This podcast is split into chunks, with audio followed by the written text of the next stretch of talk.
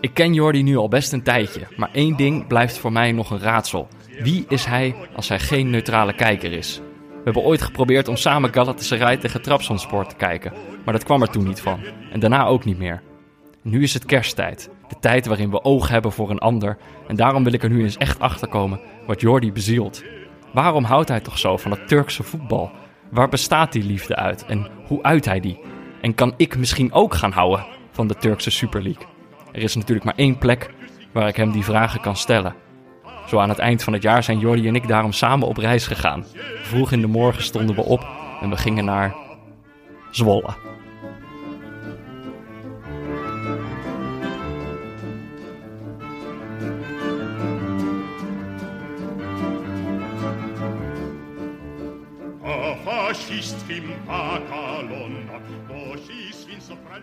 Ja, Jordi. Ja, Peter. Uh, daar zitten we dan in Zwolle. In Zwolle. Uh, prachtig, moet ik zeggen. Ik, ik kan, ik, jij dacht dat hij er wel eens geweest was. Ik, ik ben er nog nooit, niet eerder geweest. Nee, we zijn samen in de auto gestapt en naar, naar, naar Zwolle gereden. De um, eerste vrije dag na een ontzettend zwaar jaar op mijn reguliere werk heb ik mijn wekker gezet om 8 uur s ochtends. om, uh, om op de. Dus ja, nee, dit is. Uh... Ja, maar het is, het is, wel een primeur, dat is misschien wel leuk voor luisteraars om te weten. Het is de eerste keer dat wij echt on tour zijn. Ja. Toch? Ja, ja dat denk ik wel. Ja. Dat we, dat we niet in Amsterdam of in Diemen hebben opgenomen. Nee, klopt. Dus dat is, het is een beetje nieuw. Het is ja. onwennig. Maar ik denk, uh, uh, zij, uh, na een mooie ontvangst zitten we toch sowieso overal zitten, toch? Ja, nee, dat is ook zo. Hey, um, even kijken nog. De vorige aflevering hebben wij het nog gehad. Heel even daarop terugkeren. Hadden we het gehad over Arsenal. Ja, is snel gegaan. Met, Tim, Tim de Gier had, had voorkennis, denk ik. Want hij sprak over dat hij een voorkeur had voor Arteta als nieuwe trainer. Ja. En dat is uitgekomen, die Dat is uitgekomen. Het is niet per se beter gegaan met Arsenal sindsdien. Uh, tegen nee. Everton was, was de saaiste wedstrijd ooit, volgens sommige mensen die hem gezien hebben. Uh, ja. ik, ik ben daar niet één van. Um, maar uh, ja, ik zat eigenlijk ook meteen een, te denken... een prima wedstrijd waarvan je eigenlijk denkt... tien jaar geleden had het toch andersom geweest. Everton heeft Carlo Ancelotti ja. aangesteld als trainer... en, en Arsenal Arteta. Ja, ik zou dat ook andersom logisch vinden... maar ik denk dat Arsenal ik hoop dat dat wel de juiste keuze is geweest. Ik hoop het ook voor ze, maar er is nog niet zo heel maar, veel... Uh, ja, bekend? Nee, nou ja, in de zin van dat uh, hij heeft een bepaalde reputatie. Die zal intern naar buiten zijn gekomen als uh, leergierige, leergierig persoon in de stijl van Pep Guardiola. Hij heeft wel meer uitstraling dan Emery, maar ik weet niet hoeveel dat zegt. Nee. Um, maar ik zat wel te denken... Ik, was, ik vond het een heel leuke aflevering, dus we moeten misschien later in het seizoen... als, als, als we wat verder zijn even kijken hoe het... Uh, even terugblikken. En dan nodigen we Tim en Roger nog een keer uit... en gaan we even kijken hoe het ja, ervoor staat misschien over, over, twee jaar of over drie jaar. Oh, ja, weet je, anders wordt het weer wel snel oordeel. Iedereen dacht vorig jaar, nou, Ole Gunnar Solskjaer is erin gestapt... en dat gaat helemaal super ja. bij United. Nou, het tegendeel blijkt ja, ook Oké, okay, dan maken we over twee jaar nog een aflevering met. Dat vind ik ook goed. Um, uh, dan over deze aflevering. Ja. Zullen we even zeggen hoe dit begonnen is?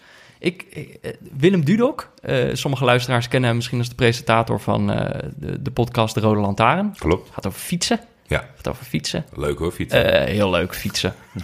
maar die, die, die is eigenlijk sinds wij zijn begonnen met dit nieuwe seizoen... is hij eigenlijk constant nieuwe afleveringen aan mij aan het pitchen. Ja? Hey. Oh, dat merk ik ook in mijn omgeving. ja. Hij zegt, hey, moet je dan niet een keer een aflevering over, over dit maken? Of, of over dit? En toen opeens zei hij tegen mij... Peter is het niet een idee? Of nee, hij vroeg het anders. Hij zei: Wanneer komt de Eumar Bayram special? Ja.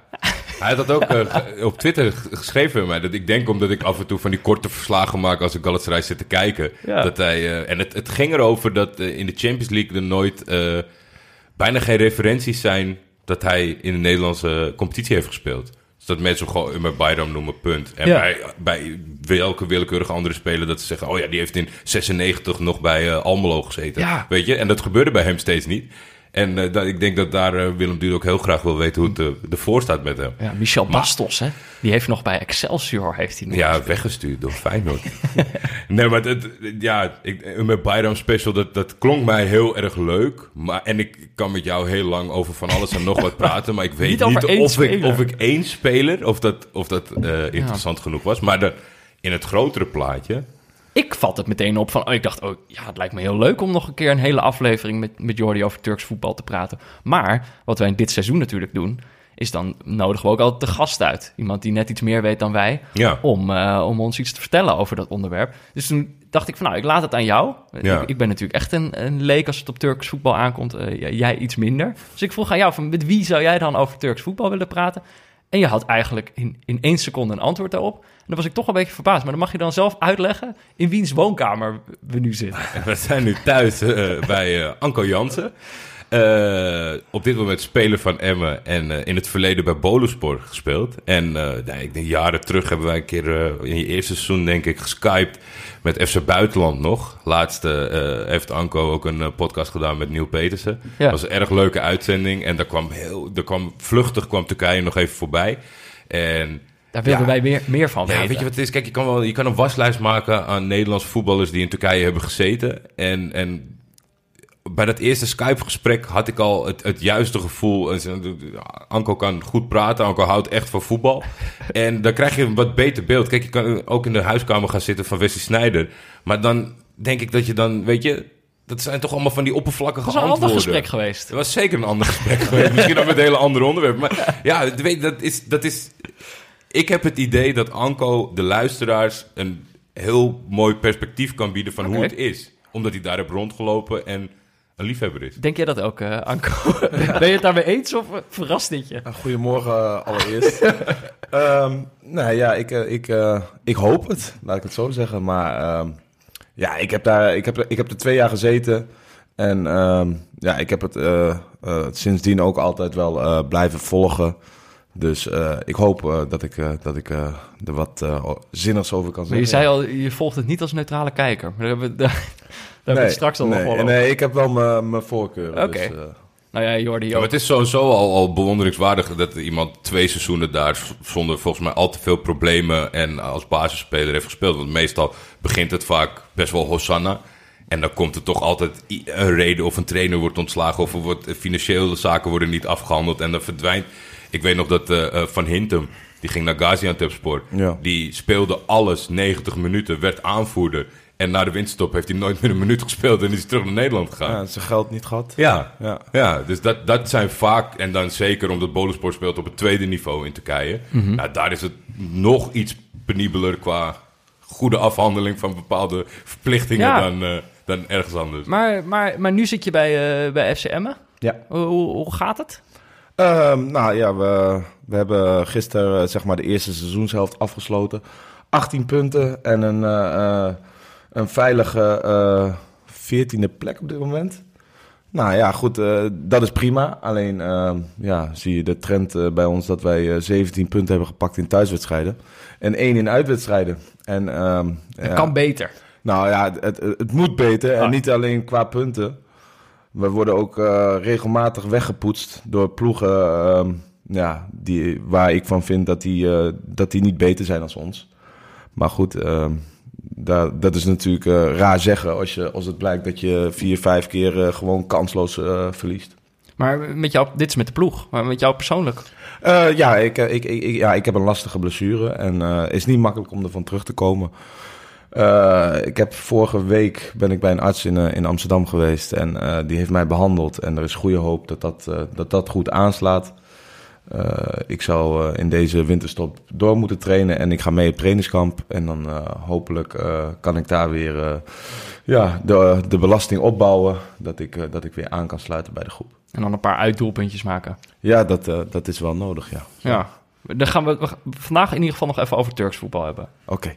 Dan over, over, over, niet over voetballen, maar over voetbal kijken. Oké. Okay. Dat is misschien weer prettiger. Hey, wat wij meestal doen, een beetje aan het begin van het gesprek. En dat is inderdaad. Jordi, we zouden onze gasten hier dan toch een keer misschien over moeten gaan echt, informeren. Echt slecht. Want we hebben gewoon zelf wat verzonnen hoe we, hoe we willen openen. Maar dat vertellen we nooit aan de gasten. Dus die verrassen we elke keer met... Oh ja, kan je nog even hierover nadenken? We dachten, zeg maar, de, om, als je... We gaan het altijd over een onderwerp hebben. Maar je wil altijd wel even weten van wat heeft iemand bezig gehouden de afgelopen week als het op voetbal aankomt. Ja. Uh, en, en dan hadden we bedacht van nou, neemt iemand een, een, een headline mee uit een, uh, van een site of uit de krant of zo. Ja. Maar ik had zelf eigenlijk, zelf had ik ook al niet echt een headline, maar één ding waar ik gewoon de afgelopen dagen niet eens heel actief mee bezig ben geweest, maar waar ik gewoon steeds de hele tijd aan moet denken, is die uh, kopgoal van Ronaldo. Heb ja. je gezien? Ja. Dat, die, dat filmpje, dat hij dan gewoon zo ontzettend hoog springt. Ook veel eerder dan die, dan die verdediger. Ik kan gewoon niet geloven dat dat filmpje echt is. Ik moet gewoon de hele tijd aan dat filmpje denken. Dus ik vind er niet per se iets van, maar gewoon... Ja, het is gewoon... Het is wel zijn, zijn handelsmerk, hè? Die hoge, hoge Ja, sprong. maar weet je wat het is? Soms zie je een, een, een, een actie van, eh, van Messi. En dat is dan ook gewoon, ja, je weet ook gewoon van, ik heb niet, ik zou nooit het reactievermogen of het idee hebben om zoiets te doen op dat moment.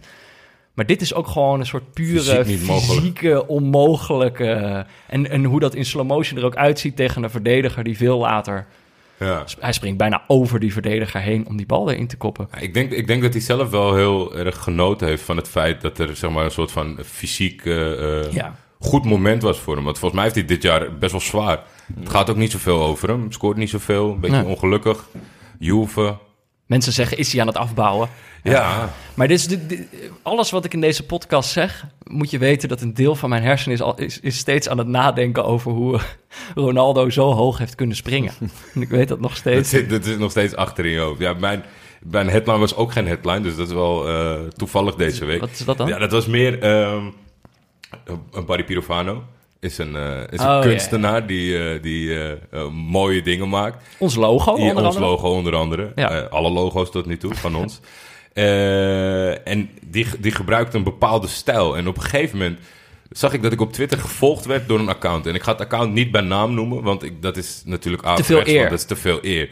Dus ik ben dan nou, niet altijd, maar soms wel geïnteresseerd. Ik denk, wat maakt diegene? Ik denk, nou, het is wel een beetje in dat stijltje. Maar dat stijltje van, van Barry, dat, dat is een bestaande iets. Dat is een bepaalde handeling.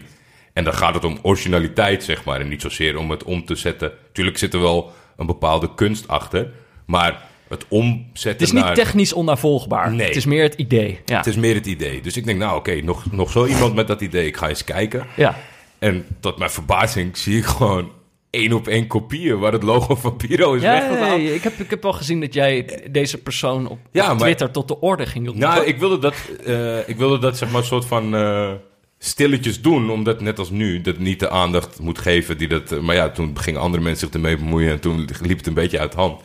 Maar diegene snapte dus helemaal niet wat ik bedoelde. Dus ik zei van, prima, over je... En die ging steeds, ja, maar ik heb vroeger een account gehad en ik ben Ja. al sinds 2005 bezig. Ja, volgens mij, dat kan ook, want ik heb 20.000 volgers gehad. Maar allemaal niet zulke relevante informatie om nou gewoon te knippen en te plakken. Ja. Dus, en ik denk dat, dat Piro wel zo zijn naam heeft eh, binnen het Nederlands voetbal. En ik denk als, eh, als eh, de, de, de eh, onderste regio-sites, de sokkernieuwsen van deze wereld... Als, als Messi zijn teen steekt- stoot tegen de eettafel, dan is dat een headline.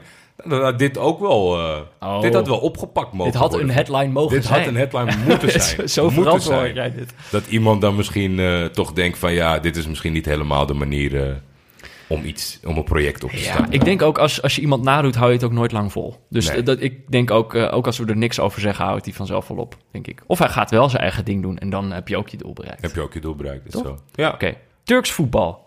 Of, ja, ik weet niet, Anko heeft hij... eh, Oh, sorry. Ja, we- misschien, Ja, misschien, we had, hem- misschien ja. had hij niks, Ja, maar... we hebben hem niet ingelicht. Ik dacht, wil ik hem ook moet niet hem wel de kans geven. Misschien in de tussentijd heeft hij al... Eh, jij wil hem... honderd nou, oké. dingen. Oké, jij wil hem meteen eh, voor een blok Nou ja, zetten. eh, eh, Turks voetbal. Mijn oude club. ja. Op degradatie. ja, staat onder de streep virtueel Ja. nu. Ja. Boluspor? Ja. Maar dat is niet de, de, de hoogste divisie. Nee. Dus die staan in de tweede divisie op degradatie. Ja, derde van onderen nu. En eh degraderen drie ploegen rechtstreeks. Dus eh, ja, verrassend. Dus dat houdt jou wel bezig, al dit, dit, dit, dit hele gesprek. Ja, Jouw gedachten zijn wel Boluspor. Nee, ja, nee eh, omdat er, eh, we zouden het over Turks voetbal gaan hebben. Dus Ja. ja, ik heb toch een beetje eh, mezelf ingelezen. Even de, even de uitslagen gecheckt. Alles dat, ik, dat ik in ieder geval niet voor verrassingen kom te staan. Nee, precies. En ja, dan valt dat toch op. Ik dacht, verder, verder moet het gesprek volgens mij zo zijn. Jullie kijken allebei af en, toe, af en toe een wedstrijdje Turks voetbal. Ik doe dat eigenlijk nooit. En ik denk zeg maar dat bijna geen enkele neutrale kijker van onze luisteraars dat zal doen. Meestal als je gewoon een wedstrijdje gaat kijken, dan kijk je gewoon wat is er nu op. En dan kies je iets van Spanje, Duitsland, Engeland. Misschien als je heel avontuurlijk bent, dan doe je nog een keer. Of als je juist niet avontuurlijk bent, doe je een keer iets uit Frankrijk. Ja. Sorry Jean-Paul als je zit te luisteren. Maar eh, nooit zet je iets uit de Turkse competitie aan. Dus ik dacht, misschien moet aan het einde van dit gesprek... Moet, moeten jullie mij overtuigd hebben om een keer in dit weekend de Super League uit te zetten. Kijken of dat gaat lukken. Ja. Maar dan eh, dacht ik, misschien moeten we dan ook aan het begin beginnen.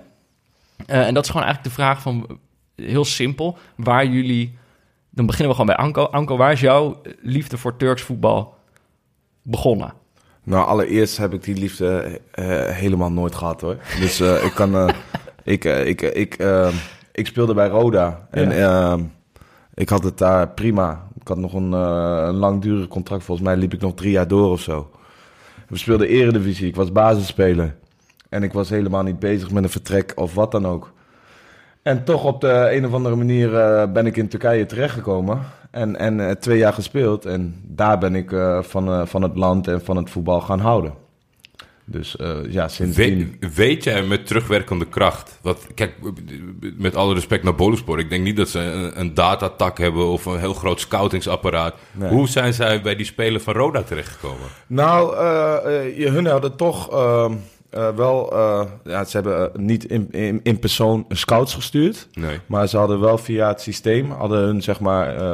misschien eh, was dat toch, eh, liepen ze daar toch al eh, wat meer Wat voor dan, we dan dachten. denken. Want ze, hadden, ze hadden gezocht op een bepaald type speler wat, ze, wat ze wouden hebben. Ja. En toen had het systeem een aantal suggesties aangedragen. En daar zat ik bij. En toen zijn ze me online, hebben ze zes, zeven keer 90 minuten gecheckt. Alle highlights en dat soort dingen. En dat beviel ze. En eh, eigenlijk eh, eh, ben ik zo daar in de picture gekomen. Dus eigenlijk, het Turkse voetbal werd eerder verliefd op jou dan, dan andersom. Nou ja, blijkbaar. Maar goed, ik, ik denk dat, dat ja, ik, clubs zullen daar ook zo werken dat ze dan een bepaald lijstje hebben.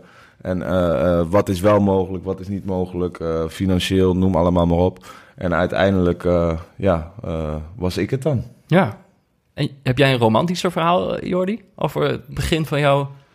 Eh, nou ja, Turks bloed. ja, ja. maar Ja. Dat, dat is dan, het is dan bij mij wat, wat, wat minder cliché. En, en heeft het wat langer geduurd. Mijn vader is Turks.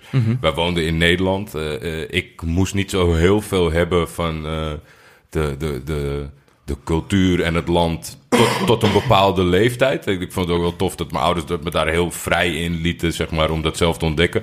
Weet, dan gingen we op vakantie naar Turkije en dan, eh, daar knijpt iedereen heel hard in je wang omdat je schattig bent, zeg maar. Ik vond het bloedirritant. En ik was echt, ik kon gewoon al tegenop zien als ik in het vliegtuig zat. Van al die mensen die weer in, keihard in je gezicht gaan knijpen.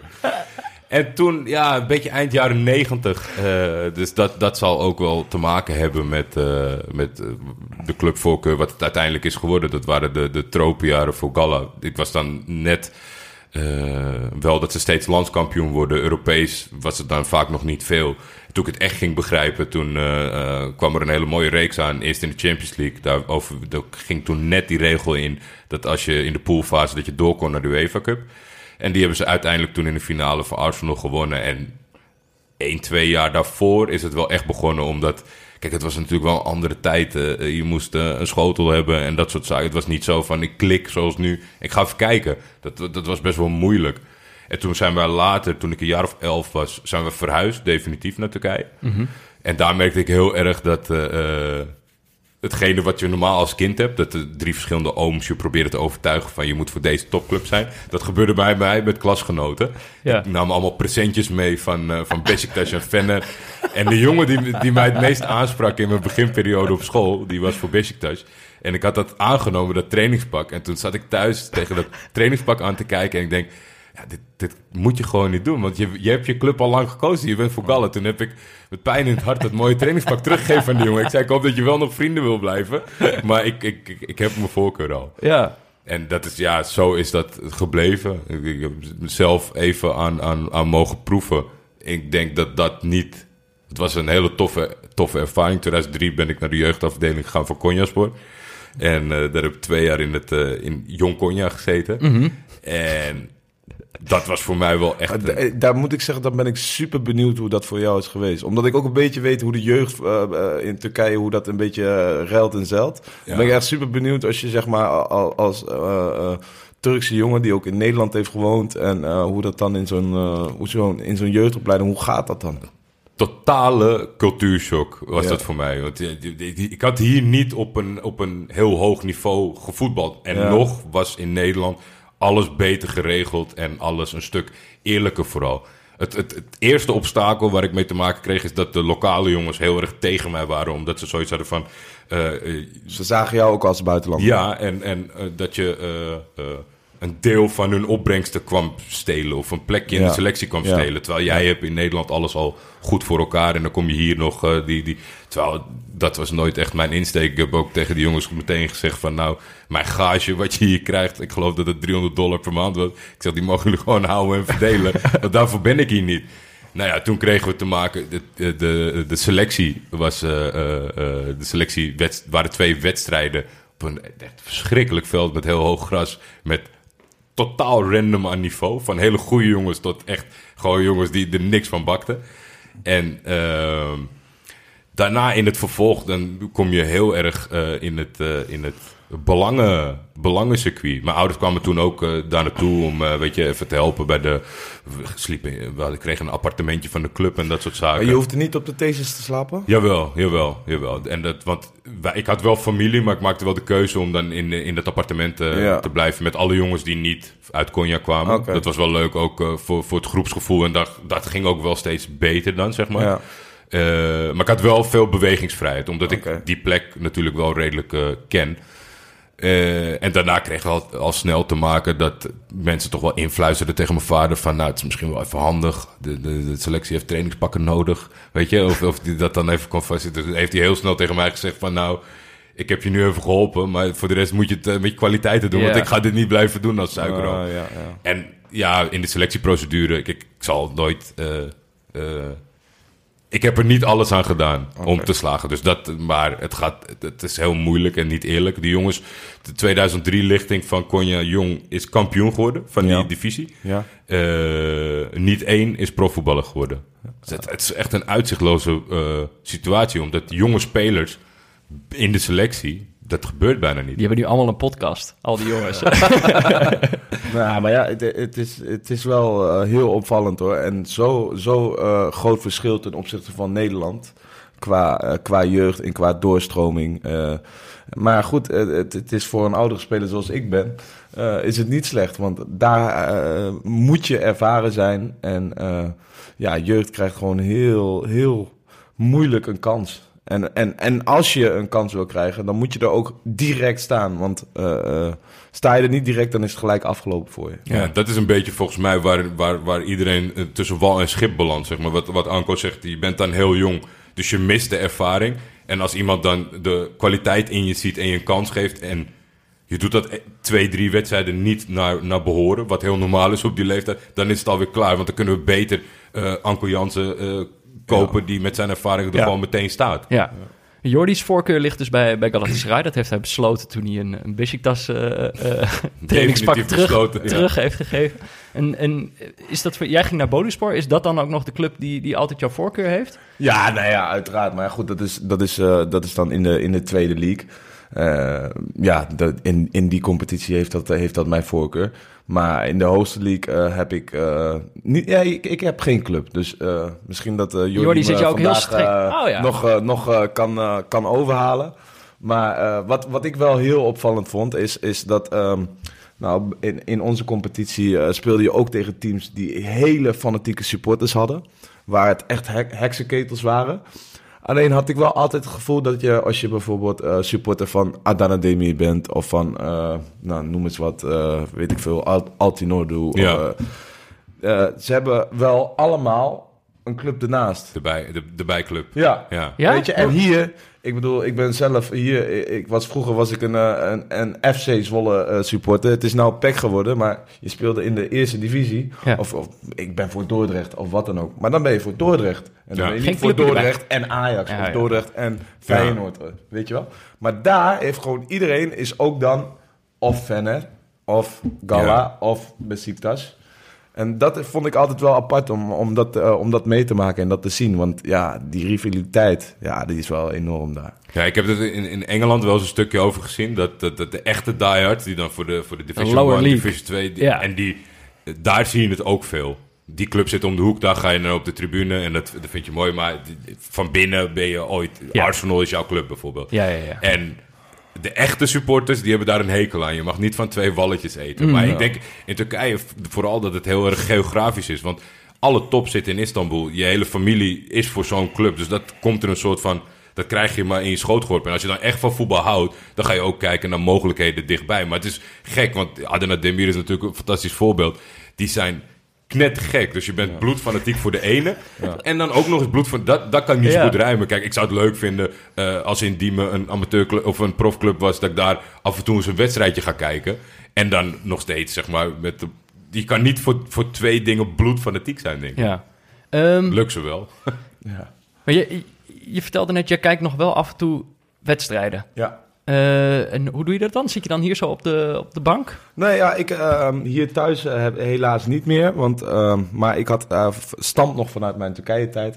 Daar had ik voor mijn ouders, ja, een, sorry, illegaal eh, kastje gekocht. Ja, Jordi heeft het ook altijd over een kastje. Ja, nou, maar het is maar een heel, het is maar een heel, heel klein. klein dingetje.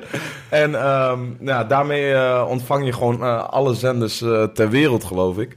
En uh, ja, dat heb ik ook ge gekregen van uh, een, uh, een Turkse man. Een Turkse elektronica-zaak. Mm -hmm. En um, die, dat kastje heb ik bij mijn ouders neergezet om, om, om hun mijn wedstrijden te kunnen laten oh, kijken. Tuurlijk, ja. En sinds ik weg ben heb ik hem gewoon elk jaar verlengd. En uh, dan kan, me, kan mijn vader ook via, via dat kastje uh, de Nederlandse eredivisie volgen. Maar daar heb ik dus nog steeds uh, de, de, de Turkse zenders. Maar, en ja. als ik dus bij mijn ouders ben, dan, dan staat er wel eens een Turkse wedstrijd op, ja. Maar um, wat vind je dan... Wat vind je in dat Turkse voetbal wat je bijvoorbeeld niet vindt in een Premier League wedstrijdje? Of in een um, Bundesliga wedstrijd? Nou, um, uh, ik moet eerlijk zeggen dat ik het voetbal over het algemeen in Turkije... Nou, ik kan wel gewoon eerlijk zijn. Het voetbal is heel matig. Technisch en tactisch is het... Jordi, Jordi knikt, Jordi knikt. Technisch en tactisch is het heel zwak. Ja. Alleen er gebeurt zoveel, uh, zoveel dingen gebeuren in, in, in, in, in die competitie. Wat niet uh, uh, in, in andere landen en in andere competities gebeurt, dat het het leuk maakt. Maar als je goed voetbal wil zien, dan, dan zal ik het niet doen. Ja, maar Jordi, je, je, moet, ja. je, moet er wel, je moet er wel van, van houden, houden denk ja. ik. Maar ik, ik neem aan dat dat ook geldt als speler. Kijk, ja. je kan hier ook waarschijnlijk... Ben je nou, wel, wel eens niet eens met de arbitrage, kan ik me zo goed voorstellen. Maar dat is daar ongeveer drie of een kwart van de wedstrijdbesteding. Ja. Dat je het niet eens bent met... Nee, ja, maar dat, we, ik ergerde me als, als, voetbal, als voetballer ergerde ik me echt verschrikkelijk. Uh, maar uh, als kijker, als voetbalkijker, ja, dat is misschien heel hypocriet, maar ik vind het altijd fantastisch. Ja. En, en het is echt een combinatie van sfeer op de, op die tribunes, die dan weer overslaat op een veld. Waardoor een scheidsrechter in de war raakt. En uh, uh, wedstrijden, uh, als je het hebt over zuivere speeltijd. Dat was bij ons echt verschrikkelijk. Als, als wij een wedstrijd hadden en we kwamen bijvoorbeeld in de 46e minuut 1-0 achter. Nou, dan wist je gewoon, er wordt nu nog 10 minuten gespeeld. Want die liggen gewoon om de havenklap, uh, liggen er mensen op de grond. En, en scheidsrechters die, uh, die laten het gewoon allemaal maar toe. En dan komt er weer een verzorger aan de ene kant het veld in. En die moet een minuut later aan de andere kant zijn. Die gaat dwars het hele veld over. en ah, dat was echt, dat was verschrikkelijk. Maar ja, het heeft, om, om, om voetbal te kijken, heeft het wel echt een charme. Ja, het is nooit gezapig. Want dat is natuurlijk wel wat je, wat je ook bij een Nederlandse wedstrijd soms wel eens kan hebben. Dan denk je, oh, allebei deze teams Ho hoeft het niet zo nodig. Ja, dat ga je nooit meemaken. Ja. Dat ga je nooit meemaken. Zelfs niet als er voor beide teams niks op het spel staat. Ja, het, het is ook omdat... Um, ja, ik zeg altijd, je hebt eigenlijk... Als je vier kenmerken hebt van uh, technisch, tactisch, fysiek en mm. mentaal. Mm -hmm. Nou ja, technisch en tactisch vind ik het vrij matig. Maar fysiek en mentaal vind ik het geweldig. Ja. En, en, en, en daar blinken ze ook uit. Als je, als je, als je soms ziet hier in, in, uh, in het Nederlands voetbal dan uh, is dat technische en tactische verhaal natuurlijk veel, beter ontwikkeld. Maar ik vind echt, en misschien verklaren mensen mij dan voor gek, maar dat uh, op het gebied van, uh, van fysiek en mentaal kunnen ze echt nog wel wat leren van, van de Turkse competitie. Jordi, is dat ook, wij hebben in eerdere afleveringen wel eens gezegd dat eigenlijk als een, als een ploeg tactisch heel goed speelt, is het eigenlijk onze vijand. Dus we hebben wel eens Manchester City zitten kijken... die dan hun plan zo goed uitvoeren... dat die hele wedstrijd eigenlijk niet meer leuk of spannend... of, ja. of wat dan ook is. Is dat dan ook... Ik bedoel, gisteren zag ik jou weer... zat je een wedstrijd van Fenerbahce te, te live tweeten. Met enige fanatisme dacht ik te, te bespeuren. Ja. Uh, maar is dat voor jou dan ook echt de reden waarom je, waarom je die wedstrijden kijkt? Of, of zit er dan ook nog gewoon... wil je ook gewoon zien hoe Fenerbahce het liefste verliest... of punten verspeelt of...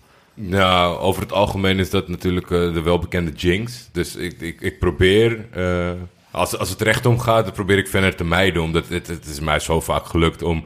Dan kijk ik op livescore, staan ze 0-1 achter. Dan denk ik, ik ga het toch even opzetten, bam, 1-1. Ja, ja, dus ja. dat, dat, nee, het is gewoon...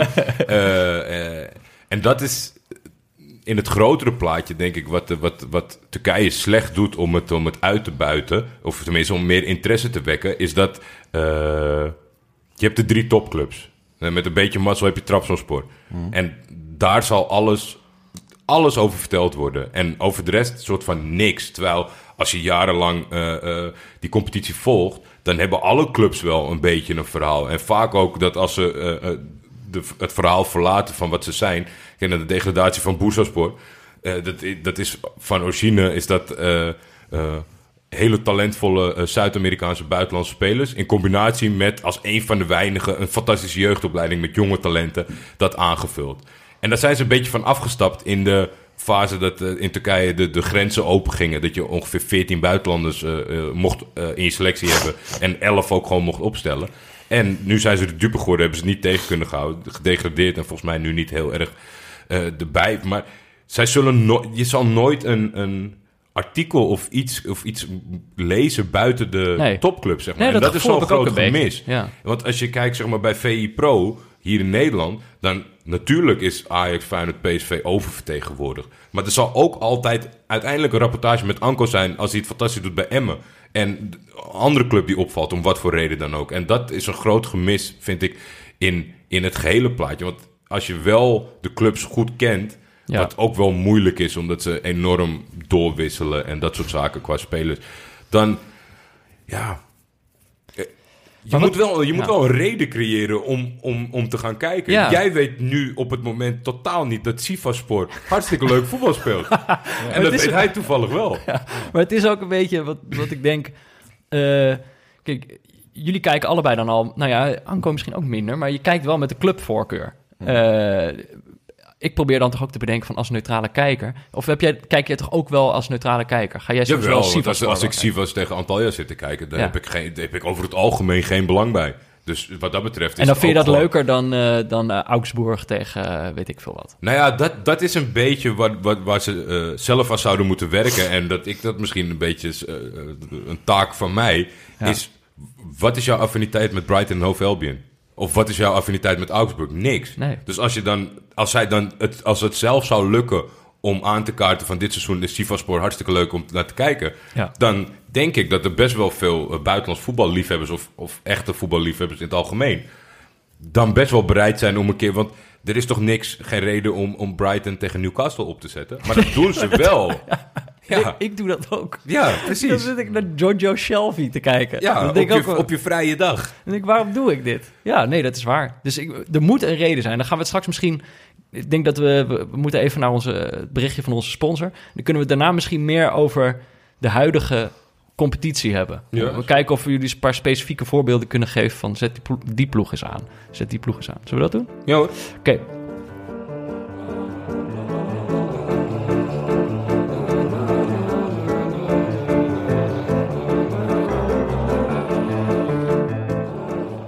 Ja, ook deze aflevering van Neutrale Kijkers wordt natuurlijk mede mogelijk gemaakt door eh, Auto.nl. Jordi, onze sponsor was nog nooit zo relevant. Nee, dat is waar. Want eh, We zijn in de auto hier naartoe gekomen. hele lange afstand gemaakt. Meestal eh. fietsen wij dan naar zo'n opname om daar dan te praten over hoe je online een, hoe, een hoe, auto hoe kan vond kopen. jij het? Want ik, ik, auto? ik rijd vaker auto's, maar voor jou dan gewoon... Dit was de eerste keer dat ik voorin mocht. nee, ja, ik vond, het, eh, ik vond het heerlijk. Ik vond, kijk, wat natuurlijk fijn is aan een, aan een auto... en daarom is volgens mij ook... eh, weet je wel, daarom doet Andy van der Meijden zijn interviews ook altijd in een auto. Als je zo naast elkaar zit... Je bent gewoon, je bent gewoon lekker makkelijk eh, aan het praten. Want je, je kijkt allebei gewoon vooruit. Weet je, je hoeft niet zo recht tegenover elkaar... met allemaal microfoons erbij... een- te proberen een, een normaal gesprek te voeren. Ja, het is toch wel, het is altijd wel leuk. Ik moet, Jordi, ik moet toch een keer gewoon mijn rijbewijs gaan halen en... eh, Dat lijkt me wel verstandig Jij hebt je rijbewijs Nee, ik heb geen. Nee. Nee, dat is inderdaad. Nee. Dat- maar ja, als ik een rijbewijs heb, dan, dan ga ik misschien wel naar auto.nl. Om een eh, auto te kopen, private leasen. Ja. Of, Nou, of een van die andere opties die ze ja, die, die ze ze allemaal bieden. hebben. Komen ze gewoon. eh, weet jij dat, An- Anko? Dan komen ze dus Auto.nl kun je dus online een auto bestellen... en dan komen ze die gewoon serieus bij je thuis brengen. Er komt gewoon iemand hier voor de deur die zegt dan... Je, je auto is er. Ah, ja, ik, eh, ik heb er nog niet van gehoord, maar ja, goede service dan. Kijk. Ehm, maar ik dacht eigenlijk... Dit was natuurlijk een aflevering over Turks voetbal. Turkse, Turkse auto's, maar daar had ik niet echt een... Ik weet gewoon ook niet zoveel van auto's. Eh, Turkije heeft altijd moeite met eh, eh, producten maken, fabriceren. dus er is, er is geen Turkse Turkse auto. Terwijl als ergens Turkse stempeldingen... Ik, ik, ik reed in een Turkse, echte Turkse auto, want die auto bestond niet in Nederland. Wat was het? Een Fiat...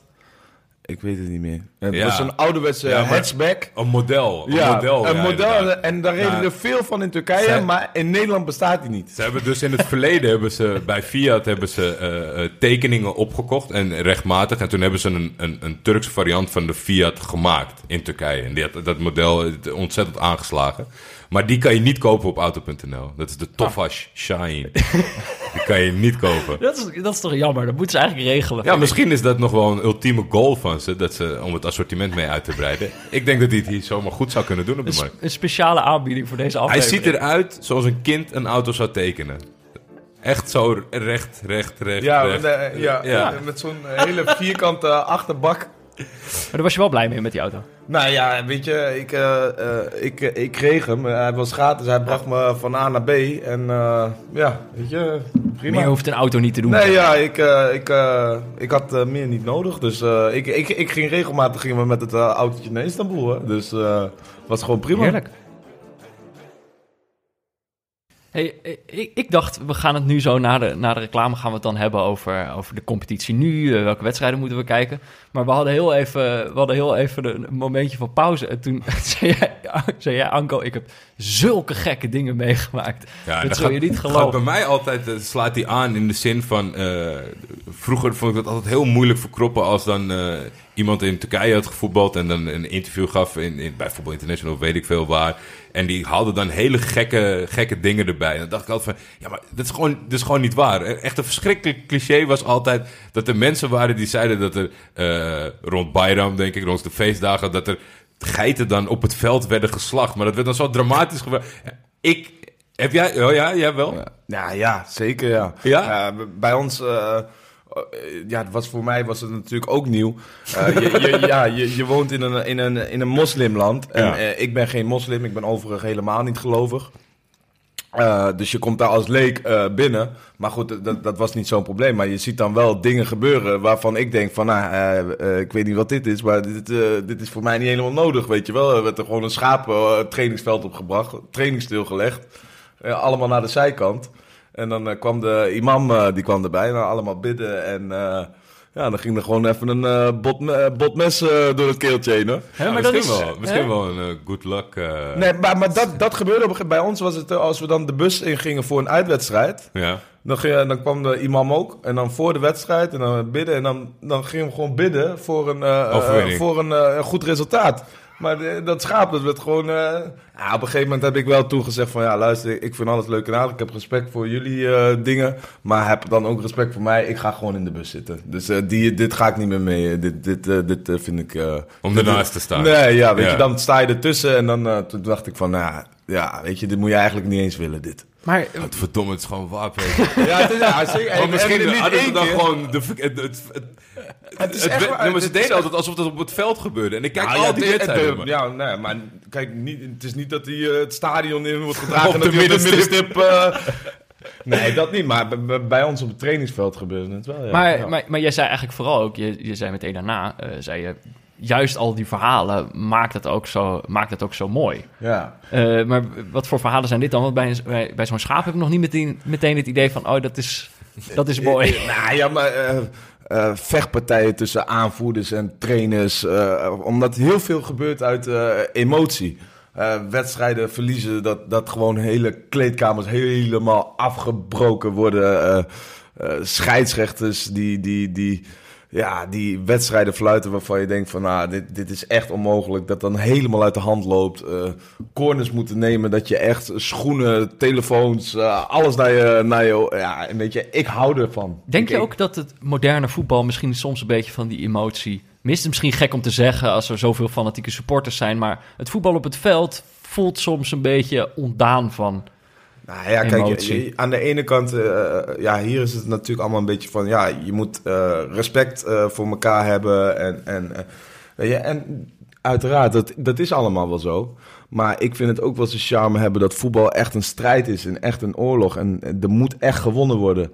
En eh, ja, dat is gewoon in Turkije en ik kon daar heel erg van genieten. Ja, Ja, misschien wat jij bedoelt dat het meer in de hoek zit. Want dat, dat heb ik ook natuurlijk met eh, de, de klassieke tien is, is een soort van uitgestorven. En daar is een dynamische middenvelder voor teruggekomen. Om box-to-box spelen. Ja. Dat, is al, dat, is al, dat is al gewoon in het, entertainment- in het kijkgehalte is dat al een hele andere sensatie van... Maar dat heeft ook gewoon met je leeftijd te maken. Ik denk als je nu opgroeit dat je dan op een heel andere manier kijkt. En dat ook, je kan dat niet missen bijvoorbeeld. Ik Ja. heb dat persoonlijk wel heel erg. Dat heel veel eh, wedstrijden zo tam zijn, zeg maar, qua, qua creativiteit, qua, qua creatieve Nou ja, ik- geest van de ja. spelers zelf. Ze zijn allemaal volgeprogrammeerd en het ziet er allemaal praktisch uit. Maar Ik, ik, nu in één keer is het raar, hè? Ik mis gewoon Juan Roman Riquelme. ja, maar die, die, die Die kan, mis dat ik kan nu niet. Ik mis Dat- hem, ik mis hem. Maar zet die, Hij moet terugkomen. maar bij, bij, bij, zet die bij City neer.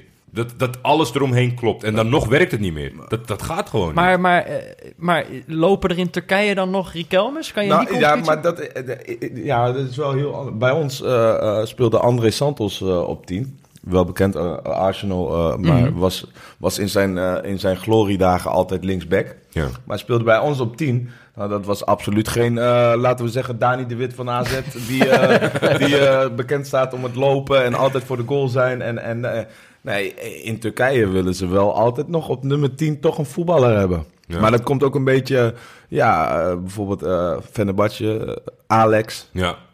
eh Galatasaray, eh, Wesley Sneijder. ja, die kon daar floreren. Eh, dat is de, natuurlijk wel zo. de, de, de echte jongens die echt groot, eh, groots zijn in Turkije, ze waren toch vaak de nummer 10's ook, hè? Ja. Dus, dus je vindt ook in die competitie, vin- vinden jullie uiteindelijk ook nog wel iets wat je in, in andere moderne competities mist? Nou ja, door hetgeen wat, wat Anko aanhaalde, dat zeg maar op, op, op tactisch niveau en, en de redenen daarachter vind ik soms niet best. Je hebt bijvoorbeeld een ploegje van twintig coaches die gewoon eh, alleen maar doorroleren. Het, het kan zo zijn dat er, spelen, dat er trainers zijn die, nou, laten we zeggen 70 70% van de clubs hebben gehad Ja. in- op het hoogste niveau. Dat, dat zou eigenlijk niet moeten kunnen. In Nederland heb je ook wel een paar van die jobhoppers. Maar dat, dat is een heel gesloten groepje. Er is niet echt een nieuw talent.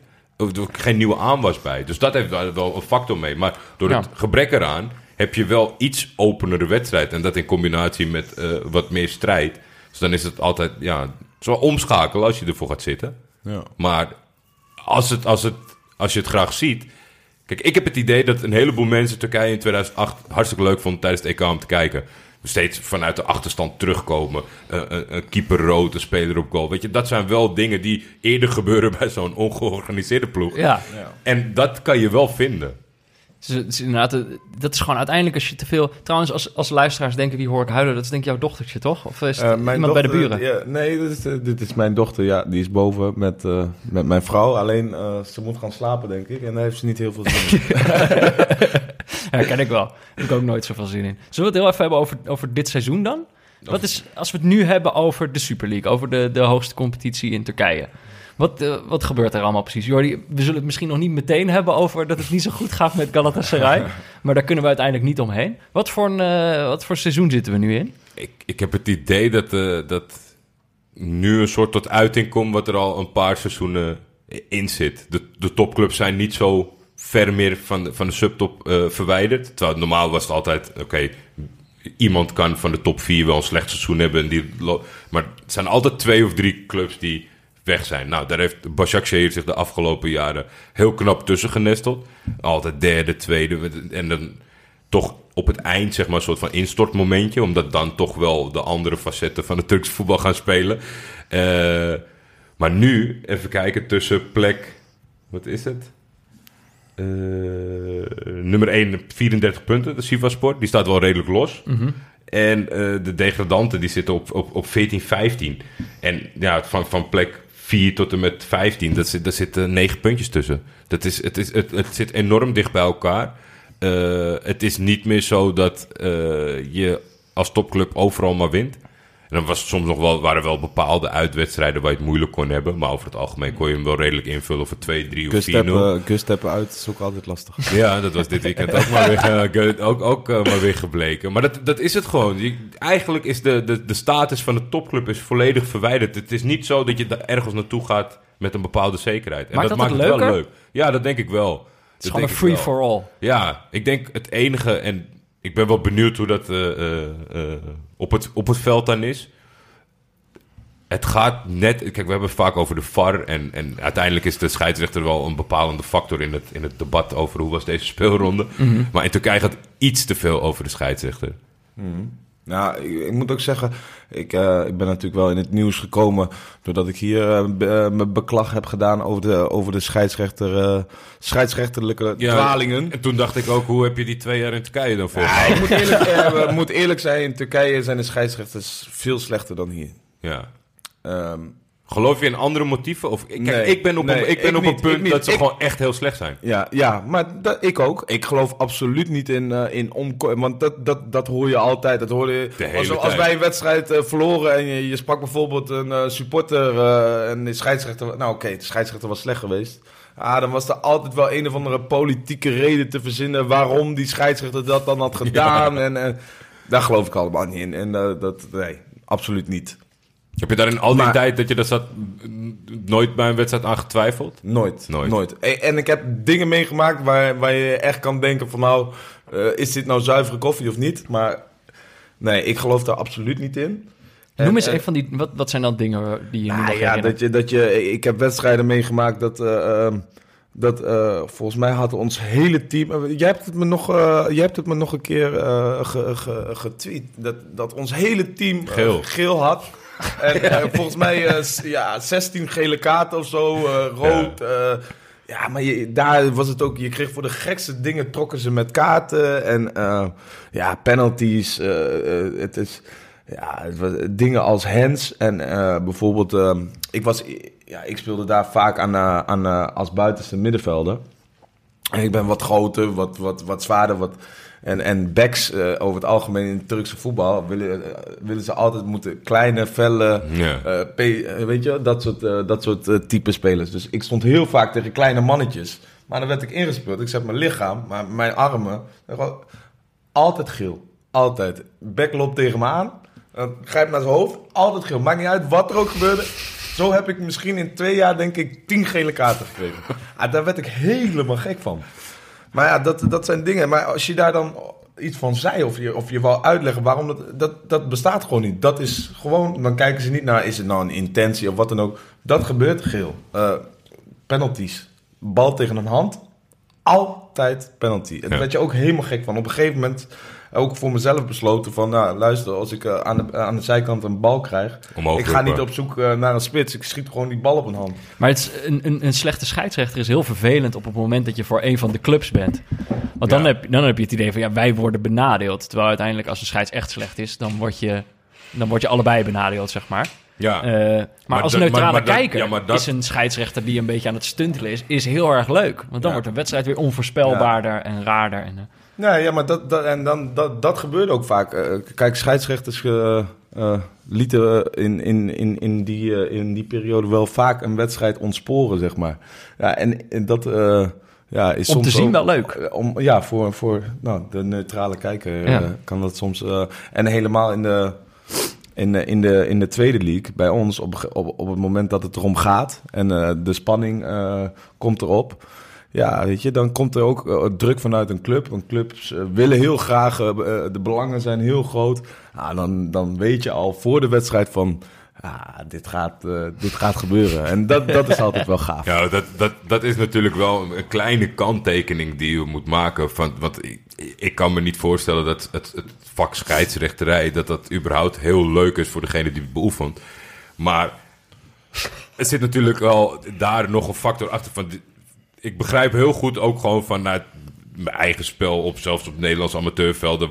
hoe het aanvoelt dat een slechte scheidsrechter het laat ontsporen. Maar de Turkse voetballers hebben over het algemeen maar ook maar hele kleine aanleiding nodig om meteen in dat gat te springen van... oké, nu verkloot hij het, nu gaan we helemaal, helemaal door het lint, zeg maar. En dat de hele tijd. Maar oké, volgens mij begonnen we aan dit stuk, Jordi, doordat jij zei... eh, het gaat te veel over scheidsrechters in het voetbal. En nu hebben we het al een paar minuten daarover.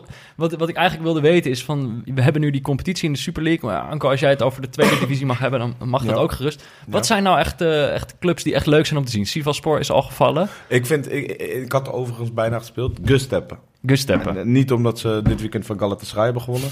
Maar het is... Maar dat hebben ze wel. Komt, ja. uit, komt uit Izmir, krijgen een nieuw stadion. Spelen nu nog in een heel klein stadion in Bornova. Altinordu eh, speelt ook in dat stadion. Dat is dan eh, een club die overigens heel opvallend is in de, in de tweede league. Die al jarenlang alleen met Turkse jongens speelt. Dus dat is de enige ploeg in, in die Zonder Anko Janssens Ja, zonder Anko Janssens. En ehm, doen dat overigens heel goed. Want eh, spelen al jarenlang eh, in die competitie gewoon eh, middenmoot. Met over het algemeen hele jonge Turkse jongens. En eh, de trainer eh, is ook de enige trainer die er geloof ik nu al 14 of 15 jaar zit. Hm. Nou ja, bij elke andere ploeg eh, doen dat? ze er 15 per seizoen. Altinordu? Altinordu uit, Ja. eh, uit, uit Izmir. Eh, hele mooie voorbeelden is eh eh eh, Cengiz Ünder, AS Roma, eh eh. Çak- Çaklar Soyuncu heb ik tegen gespeeld. Ja? Uh, won ik overigens uh, kopduel van bij de 2-0 Altinordu uit. Speelden we in eh Izmir, Atatürk Stadion, he- waar, waar 100.000 eh, man in In kan. kan. Ja, dus, Zat er waarschijnlijk niet. Nee, er zat, er zat op dat moment, uh, Altinordu is, is een opleidingsclub. Ja. Dus die hebben niet echt eh, fanatieke supporters. Is- dus er zat 500 man in een stadion waar er 100.000 Maar die, die komen daar vandaan, allebei. Wie? Eh, en... Ja, en Ja. de... Oké, ja. leuk. Ja, die komen van die club. En ja, dat, eh, hun, eh, hun kiezen dan eh, voor, dat, eh, voor dat verhaal. En dat is wel opvallend in een wereld eh, waar, eh, waar ja, clubs eh, eh, heel veel geld betalen voor buitenlandse spelers. Kiezen hun ervoor om dat eh, geheel anders te doen. Ze hebben ook mee kunnen doen. Ze hebben zich toen ingegeven om mee te doen aan de UEFA Youth League. Mochten, mochten hun team eh hun mee. Echt? Want eigenlijk is Ja. het Hun meestal eerste. gekoppeld aan... Ja. eh, ik dacht dat het gekoppeld was altijd aan gewoon dat het feit dat je Champions League deelnemer bent. Ja. Maar het zijn ook een soort van wildcard. En daar krijgen zij wel echt die waardering voor. Dus dat is... Maar ja, zoals je zegt, het, het is een opleidingsclub, dus er zit 500 man op de tribune. Ja, in Nederland zou dat misschien een voordeel zijn, waardoor het wel druk is bij zo'n club. Maar dat is gewoon... En dan heb je twee van zulke prachtige voorbeelden van hoe het zou moeten. En wat ook in het voordeel is van Turks voetbal. En dan nog, ja, is er niet echt de interesse naar. Maar dat is wel, denk ik juist dan, omdat je eh, achter je laptop of op je telefoon met een linkie niet gebonden bent aan hoeveel supporters er zitten. Wel een leuke club om eens te bekijken. Ja, ik bedoel, ja, wij hebben ook een wedstrijd in Letland zitten kijken. Ja, daarom. Estland. Het stond eh, het autoalarm te loeien. Dat je gewoon tijd door die wedstrijd heen. Maar Jordi, je mag geen Galatasaray noemen. Welke ploeg eh, moet ik dan eens een keer aanzetten? Ehm, ja, dit is het grappig, want op plek 7 en 8 staan nu uh, Malatyaspor en uh, Alanyaspor. Van Alanyaspor vind ik het heel knap, maar dat is uh, de trainer vorig jaar van Malatya, die is nu naar Alanya. Mhm. En die doet het daar dan weer hartstikke leuk, Errol Bulut. En dat is wel gewoon grappig, omdat dat is dus zeg maar een soort van nieuwe garde. En dat is een bewezen hele goede trainer die dat nu ook bij een andere club kan voortzetten. En toch durven heel veel clubs dat niet aan. Alanya Sport speelt echt leuk voetbal. Met ook nog wel een paar van die namen dat je denkt van... oh, die zit daar. Papi Cisse bijvoorbeeld. Oh, ja, die zit daar. Die zit daar. nou, doet het goed ook. Ja, Malatyaspor uh, is het middenveld onder aanvoering van Mitchell. Mitchell Donald. Uh, Murat Yildirim. Murat Yildirim. Heb met jou gespeeld nog, denk ik? Ja, ja. zeker. Het is opvallend, omdat uh, bij ons speelde hij niet heel veel. Nee. Hij heeft natuurlijk Ajax-jeugd uh, op zijn cv staan. Maar bij ons uh, in de tweede league speelde hij niet heel veel. Ook met, uh, met problemen weggegaan. En uh, speelt nu uh, Super League in, ja. in een team uh, wat Europees, Europees voetbal speelt. En speelt daar gewoon regelmatig in de basis. Dus ja, dat, is, dat kan toch snel gaan. Ja. Dus ja, dat, dat, dat, eigenlijk zou je het gewoon... Een, een, er is, als je het omdraait van naar, naar wie moet je absoluut niet kijken... Mhm. Mm -hmm dan denk ik dat je, dat je toch wel bij de, bij de, top, bij de topclubs uitkomt. Ja, ja dat, dat is op dit moment... Ja, want ik dacht, wat... misschien moeten we... Ik bedoel, uiteindelijk uh, kan ik misschien... Ik kan natuurlijk ook als neutrale kijker wel ook kijken naar Galatasaray en, en Boluspor. Dus ik dacht, misschien moeten we het ook over die twee clubs nog even hebben. Dat, dat jullie die nog een keer... Uh, want ik wil die, nu wil ik ze eigenlijk allebei nog wel weer een keer zien. Maar dan... Ja, maar als, als zeg maar Galatasaray kan je afdoen met zeg maar de, de vier kenmerken die Anko eerder deze uitzending noemde die je nodig hebt voor voetbal, dat die alle vier er niet zijn. Gewoon Wat was het ook Niks. weer? Techniek, kracht, eh, mentaal en tactiek. tactisch, toch? ja, Dat is allemaal niet. niet aanwezig. niet één. En dan weet je, kijk, ja, het is ook het is echt niet als, als grap bedoeld. Er is op dit moment niks. Je zit naar niks te kijken. Ze hebben geen idee. Eh, eh, eh, ze, de spelers zijn heel oud, Maar eh, langzaam. Jordi, wat, wat, wat vind jij ervan? Ehm, want dat is best wel een kwestie. Ik speelde natuurlijk als buitenlandse voetballer in Turkije. Dat eh Galatasaray regelmatig, vooral in wedstrijden waar het er echt om gaat, met elf buitenlanders speelt. Ja, dat is. Korte versie is dat ze, het er naartoe, dat ze het er naartoe hebben gebracht. Dat ik er soort van heel blij mee was. Ja. Wat, wat gek klinkt, omdat het toch een bepaald nationalistisch gehalte is bij het volk. En, en Turkse elftal het hele andere eh, sympathieke opwekt. Het, zit- het is namelijk zo, ze hebben toen eh, het buitenlandse limiet helemaal naar beneden geschroefd. Ja. Waardoor alle topclubs acuut in de problemen kwamen. Dus er moesten Turkse jongens worden gekocht. Nou, iedereen had wel Turkse spelers. eh eh, Akisar, eh Eskişehirspor. Die hadden best wat talentvolle jongens. Die zijn gekomen voor megabedragen. Want wat die club zei, oké, jij hebt nu een Turk nodig. Hij is 1 miljoen, maar jij moet hem hebben. Doe maar 5 miljoen. Die jongen gaat tekenen, die zegt, nou, jij moet mij hebben. Dus doe maar in plaats van 1 miljoen per jaar, doe maar 3 miljoen per jaar. Ja. Toen hebben ze dat op hele korte tijd hebben ze dat teruggedraaid. Toch weer dat je de 10 mocht hebben. Nou, wat gebeurde er met die jongens? Die kwamen het eigenlijk net te kort voor dat topniveau. Die zijn op de, in de dugout gaan zitten of op de tribune gaan zitten. Hebben gezegd, ik ga nergens heen. Ik heb vier jaar getekend, ik, ik dien vier jaar uit. Dus er is heel veel aversie tegen de Turkse spelers ontstaan door het, bij het publiek. Ja. Dus eigenlijk zou dit nooit moeten geaccepteerd worden in Turkije. En iedereen neemt het met vol plezier. Het is eigenlijk eerder stoer van, doe maar maar elf buitenlanders. Ja, Ja. Op dat punt hebben ze het laten komen door dat hele korte gewissel. ja, ja Dat is het. echt zonde. ja, maar dan zou toch eigenlijk die aversie zou zich niet per se tegen die Turkse spelers moeten richten, maar tegen, tegen de, de Turkse bond. Tegen de Turkse bond. Ja, maar dat, daar eh, word je mee geboren.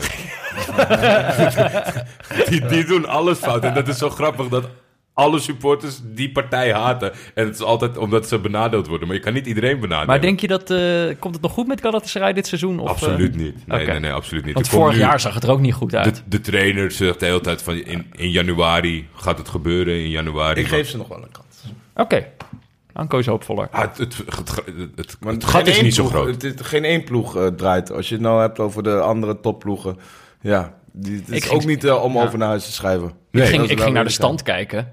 Ik dacht, eh, op basis van jouw verhalen, Jordi, dacht ik eh, Galatasaray... eh, Pummelt onderaan. Ja, en Nee, Sivas, Sivas, gaat, Sivas gaat denk ik toch, ondanks dat ze, dat Dat ze het nu dat- echt heel goed doen, maar denk ik toch dat ze op een gegeven moment wel weer in een dipje terechtkomen. En dan gaat toch één van die vier ploegen, misschien Trapson, die ook nu Daniel Sturridge, die in Ja. vorm begint Ah. te komen. En, en heel Die erg, die, die trainer heeft er heel erg voor gezorgd dat die hele stad weer erachter staat. Dat is Ja, nieuwe nieuw, stadion. ja, nieuw stadion, geweldig in de zee. Ja, maar het is elke ook week. een mooie sfeer daar. Maar ja. dit is natuurlijk ook wel een, een, een pre om naar het Turkse voetbal te gaan kijken. Omdat eh, heel veel andere competities zijn toch... Kijk, ze zijn nog niet gespeeld, maar bijvoorbeeld de Premier League... Ja, het moet wel heel gek lopen als Liverpool geen kampioen wordt. Ja, om Eh, een beetje... Bundesliga de- de- is misschien nog wel spannend, maar Spanje weet je eigenlijk ook wel welke van de drie ploegen Ja. het... eh, Barcelona. ja, nou ja, ik bedoel, dus dan wordt het er ook sowieso maar drie. Maar in. Turkije is het nu dus nog zo van, ja, wie wordt de kampioen? Ja. Nee, wat Weet dat je betreft komen er wel, denk ik, in de, zeker na de, na de winststop... een aantal sleutelduels staan waarvan je een gokje zou kunnen wagen. Ik, eh, ik ga deze bekijken. Ja, nou, dat vind ik wel een goed idee. Maar zou ik ook naar de tweede divisie kunnen kijken, eh, Anko? Nou, je- Spoor? Ehm, eh, in de tweede divisie heb je wel een buitenlands, eh, eh, buitenlandersregeling. Je ehm, mag er acht onder contract hebben. Tenminste, ik weet niet of het nu nog zo is, maar in mijn tijd was het in ieder geval wel. Acht onder contract en vijf bij de wedstrijdselectie. Je mag ze wel alle vijf dan ook opstellen. Oh, ja. Maar eh, je hebt dus achter, dus ja, eh, ik had in mijn tijd dat ik kwam, eh, was het gewoon acht buitenlanders in het tweede jaar ook. Dus je had wel altijd drie buitenlanders die niet eens bij de wedstrijdselectie zaten. En ja, dan deel je ook niet mee in de ruime wedstrijdpremies die we in Ja, Turkije God. hadden. Dus dat was altijd wel een dingetje. ja. Maar ehm, om terug te komen op het voetballen. ehm, ja, de kwaliteit van voetballen vond ik toch ook, moest wel van de buitenlanders komen. En eh, daar werden we ook voor gehaald en daar werden we denk ik ook naar betaald. Maar ja, je, hebt er maar vijf. Eh, dus ehm, ja, het was, eh, niet altijd, het was niet altijd makkelijk, laat ik het zo zeggen. En wedstrijden werden heel vaak beslist op individuele kwaliteiten. En, en niet echt om, omdat je een goed gameplan had en, en dat je een bepaalde tactiek met elf gasten goed kon uitvoeren. Ja, we hadden niet echt vaak een idee van nou, we gaan druk zetten of we laten hem aan de bal en van daaruit eh, proberen we in balbezit te komen. Oké. Eh, kan je, kan je de, de slechtste tegenstander herinneren? Van, nou, niet individu hoor, maar als team. In die, in die twee seizoenen. Ja, ik, ik- ja, ik, kan me één wedstrijd herinneren. eh, eh, speelden we tegen Giresunspor. Dus, eh, Ja, bij de ja. Zwarte Zee. Ja, ja. En eh, ja, die, die wedstrijd wonnen we geloof ik met 4-0. Ja, die hadden werkelijk geen, die, die, die hadden werkelijk geen idee. Maar goed, ik heb ook wel eens tegen, tegen Giresun gespeeld en met 5-1 verloren. Dus ja, Ja. het, eh, nou ja, voor, voor mensen die, die wel eens een, een wetje doen... ja. Bij, bij de sigarenboer zou ik deze competitie echt vergeten. Ja, die, kan je, nee, die, die, moet je echt Die vergeten. moet je vermijden, die moet je vermijden. Dat Want het echt- kan gewoon altijd beide Nou, kanten op. Je, je- je kan nu kijken, dan op één staat Hatay Sport. Met Ja. best wel een eh, flinke, flinke Ja, nee, maar dat, dat is ook. eh, Maar Hatay is. eh, in, in mijn tijd was Hatay nog. en dat zie je ook, het verloop van teams. Omdat je daar heb je gewoon. Als je derde of vierde league speelt. Ja. eh eh, er gaan er altijd drie uit. Het verloop is veel groter dan hier in Nederland. Hier heb je de twee hoogste divisies. En, eh, maar clubs in Turkije eh, gebeuren vaak eh, financiële problemen. Worden, eh, worden teruggezet. En dan stapt er iemand in met geld. dan En dan terug. promoveren ze eh, Ja, ja, ja, drie keer op rij. En die verhalen zie je heel vaak. En, eh, en Was, was Boluspor, Boluspor niet ook zo'n club? Of, eh, Nee, nee. Nee, die is vrij stabiel. Alleen het vrij- was wel een beetje dat... eh, want ik, ik, ik, weet, ik weet niet wie zeg maar, de voorzitter is of wie, wie er achter de, achter de vereniging zit. Maar die wil wel heel graag. Nou, maar elke keer op het laatste moment eh, Ja. niet. De- dat, dat vond ik ook opvallend. Dat in Turkije dus eh, eh, de voorzitter... Want eigenlijk draait de hele club draait om de voorzitter. De voorzitters wil is wet. En de voorzitter bepaalt ook of jij betaald krijgt of niet. Daar draait gewoon zo'n club om. Alleen, eh, ik heb dus twee voorzitters meegemaakt. En dan kwam ik er dus achter dat een voorzitter dus een termijn heeft van Ja. drie jaar. En dan moet hij herkozen worden. Ah, En, eh, Is dat Dat, is dus best wel opvallend, want elke, elke voorzitter heeft natuurlijk een andere handelswijze en andere zienswijze. En, en dat is wel heel erg bepalend voor eh, bijvoorbeeld een Nederlandse speler om naar Turkije te gaan. Ja. Want je moet geluk hebben als de voorzitter dus eh, wel eh, goede ideeën heeft. En dat, dat is dus niet zo dat, dat die voorzitter die blijft. In mijn geval, eh, de eerste voorzitter die, die, die ik had, ja, ik was een gehaalde speler en ze hadden een transfersom voor mij betaald. Dus voor mij eh, werd alles eh, gewoon echt goed geregeld. Maar andere buitenlandse jongens kregen hun geld niet. ja. Dat was één jaar, maar het tweede jaar een nieuwe voorzitter. En die man zei gewoon, iedereen krijgt zijn geld. En ja, dat is gewoon een bepaalde manier van denken. Dus dat is wel eh, opvallend dat je, dat je dus eh, met clubkeuzes vaak zeggen ze... ja, die club betaalt wel of eh, die betaalt niet. Dat is gewoon onzin. Ja. Want Ja. de voorzitter betaalt wel of betaalt niet. Ja. En, en dat, die voorzitter moet rechtschapen zijn en dan zit je goed. Maar is dat niet zo, ja, dan heb je Ja, een je, hebt probleem. inderdaad, je hebt echt van die spookverhalen van, eh, van, van jongens. Wat is het? Plet die, eh, die daar heeft gezeten en, eh, en, Oh ja, en- die en toen is eh, weggepest. die bij, bij de, buiten de selectie werd Ja, gehouden. maar dat- alleen maar alleen maar, maar, maar ik bedoel, ik, ik- Dat soort dingen heb ik ook jij, kijkt, maar jij kijkt er, eh, als, ik het, als ik het goed begrijp, kijk je er met veel, eh, veel plezier op terug. Nou ja, dat komt ook omdat ik eh, elke cent heb gehad en eh, ik ben er ook voor het geld naartoe gegaan. Dus, eh, ehm, eh, maar het- Ja, maar ik het, vind belang- ook... het, ik het ook- belangrijkste, het belangrijkste moet- punt, en dat is misschien ja, lastig om zelf aan... Kijk, Anko is er naartoe gegaan en eh, die presteerde. En dat is, dat is, dat Ja. is, dat is zeg maar hoe, hoe kinderig het is. Want het is niet zo van wij gaan een contract aan, dus wij houden ons netjes aan de betaaltermijn en doen alles. Nee, jij komt, wij investeren in jou. Hij leverde, dus werd hij betaald. Ja. En een heleboel jongens die dan of minder mondig waren. Zeker Turkse jongens hebben er ook ontzettend veel problemen van, van die achterstallige betaling. En buitenlands, ja, als je niet presteert, als je tien wedstrijden niet Ja. scoort, ja, dan wordt het toch... eh, Ja. En, en, en je moet je inleven ook in de situatie. Het is ook wel een beetje hoe je er persoonlijk mee omgaat. Omdat wij kregen wedstrijdbonus. En bijvoorbeeld de eerste, de eerste voorzitter, die zei dan bijvoorbeeld... Nou, eh, deze wedstrijd eh, 10.000 lira eh, eh, premie. Nou goed, dat, dat betaalde hij daar niet uit. Dan, dan zou er geen Turkse jongen, of in ieder geval geen jonge Turkse jongen zijn... die naar die voorzitter gaat van... hé, hey, luister eens, jij hebt eh 10.000 lira beloofd. Even betalen, vriend. Maar goed, ik ben Nederlands en hij heeft mij eh, geld beloofd. Ah, maar, dat werd op een gegeven moment... Ik ging ook niet naar hem toe en eh, op zijn deur eh, kloppen van... Hé, hey, luister, betalen. Maar op een gegeven moment werd het wel een standaard iets... dat ehm, als wij dan weer een wedstrijd hadden... dan moesten we verplicht slapen op de club. Iedereen had een eigen kamer op de club. En dan is de voorzitter ook op de club. Nou, dan ging mijn telefoon op de, op de kamer. Dan moest ik naar beneden komen. Tolk mee. Nou, en dan, eh, dan ging hij eh, vijf minuutjes met me praten over eh, hoe belangrijk de wedstrijd van morgen was. En dat er gewonnen moest worden. En dat ik de wedstrijd moest beslissen. En bla bla bla bla bla. Nou, en dan liep hij naar de deur. En dan ging zijn colbertje open. En dan kreeg ik mijn premie van de week ervoor. en zo ging het. En, maar goed, die andere jongens, die kregen het dus niet. Ja. Dus ja, weet je, en dat was best wel moeilijk. Want aan de ene kant denk je van, ja, je speelt met een team en ja, je wil gewoon eh, daar. Maar aan de andere kant, ja, ik ben daar voor mijn geld. En ik ga ook niet tegen die man zeggen van, nou, eh, eh, hou het maar. Eh, je moet die andere jongens ook betalen. Dus dat gebeurt ook niet. En Nee. ja, het is best wel een lastige situatie. Maar op zich, als ik er nu zo op terugkijk, ja, heeft het zijn charme ook wel weer. Het is, wel, ja, het is wel kleurrijk. Ik zie het bij Emmen niet zo gauw gebeuren. Nee, Di- nee. Dick Lukien, niet zijn trainingsjack open doen. En, Ja, nee, nee, nee, nee, ja, maar ja, goed, het, zo ging het wel. Ja. Is het dan wel, is het op een bepaalde manier ook bijkomen, nu bij eh, Emmen? Dat je gewoon weet waar Nou, je aan nee, toe bent? helemaal niet. Ik, ik, ehm, het, het is een beetje ongelukkig geëindigd met een eh, blessure in de laatste week eh, van, eh, van het seizoen. En ik was eigenlijk een week daarna zou ik transfervrij zijn geweest. Maar anders had ik daar nog jaren willen spelen. Ja, Oh ja. zeker, absoluut. ja, dus het beviel ook echt goed. Ja, ja, ja ik, ik, ik vind het gewoon ook... eh, het land eh, vond ik mooi. Eh, ja, ik, heb het, ik heb het daar echt, eh, echt goed naar mijn zin gehad. Maar niet alleen ik. Eh, mijn vrouw was ook mee en die vond het er ook gewoon super. Dus eh, ja, ik heb, ik heb het daar echt heel goed gehad.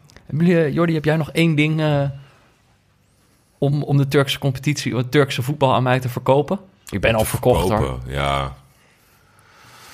Ah, dat is wel een, mo- een moeilijke, moeilijke slot. eh, Maar ik vind gewoon- stelling. Ja, Stuur gewoon een Nee, maar het, het is, het is gewoon eh, ho- 100% gevoelsmatig. Want ik, ik weet ook dat eh, er zat mensen zijn die het niet aanspreekt. En daar moet je als luisteraar, en je- als je denkt van nou, deze gekkigheid wil ik best wel een keer van dichtbij zien. Als dat je gevoel is, zet het gewoon aan. Je kan altijd een, een Twitterbericht of iets Maakt niet uit van- welke. Nou, maak, vraag dan advies Nou ja. en dan kijk je in de speelronde wel van... Kijk dit gewoon eens en benader gewoon... Als Blanco, stappen Blanco in en dan zal het zeg maar een keer niet de topclub zijn. Waardoor je misschien net even... Misschien, misschien kan je er ontzettend van genieten. Ik heb het altijd zo ervaren. eh Galatasaray in de Champions League. Dan zei ik tegen die jongens... eh, eh, mijn omgeving is, is, is vrij Nederlands. Dan zei ik, nou, kom vanavond allemaal eh, een blikje bier erbij. Gaan we even Gala kijken. En dan in, het wed, in de wedstrijd... Jij was ze eigenlijk een beetje zo aan het paaien, net als die Nou jongens ja, op school vroeger. nou ja, maar ik ging niet- Geef je ze allemaal een gala Nee, maar niet, niet, niet, niet paaien of niet, niet lekker, maar kom gewoon, ga gewoon voetbal kijken. En dan is het toch heel vaak gebeurd dat ze voor mijn tv stonden. Of op hun knieën. Of aan het juichen, of aan het gillen. Omdat dat is, als je ervoor open staat, wat Turks voetbal met je kan doen. Gala Schalke 2-3, Ja. eh, met de handen in je haar. eh, Real thuis 4-1. Dat zijn van die momenten dat je, als je maar van voetbal houdt en ervoor open staat, dan, dan haalt het toch... Ja, dat, dat doe je toch minder snel bij VVV Vitesse. Je als toch- je niet uit Arnhem of Venlo komt. Dan ben je toch aan het verkopen. Dat Ja. heb je toch goed gedaan. Ja, ik vind het, misschien is het een goed voornemen voor tw- 2020 voor, eh, voor mij en eh, voor al onze luisteraars. Vaker de Turkse competitie kijken. Nou, laten we met eentje beginnen. Eentje beginnen. Eentje beginnen. en, en deel, kijken of het bevalt. Deel je ervaringen met ons. En als je nou een fantastisch tweede seizoen zelf hebt, als nu, eh, je bent natuurlijk terug. Ja.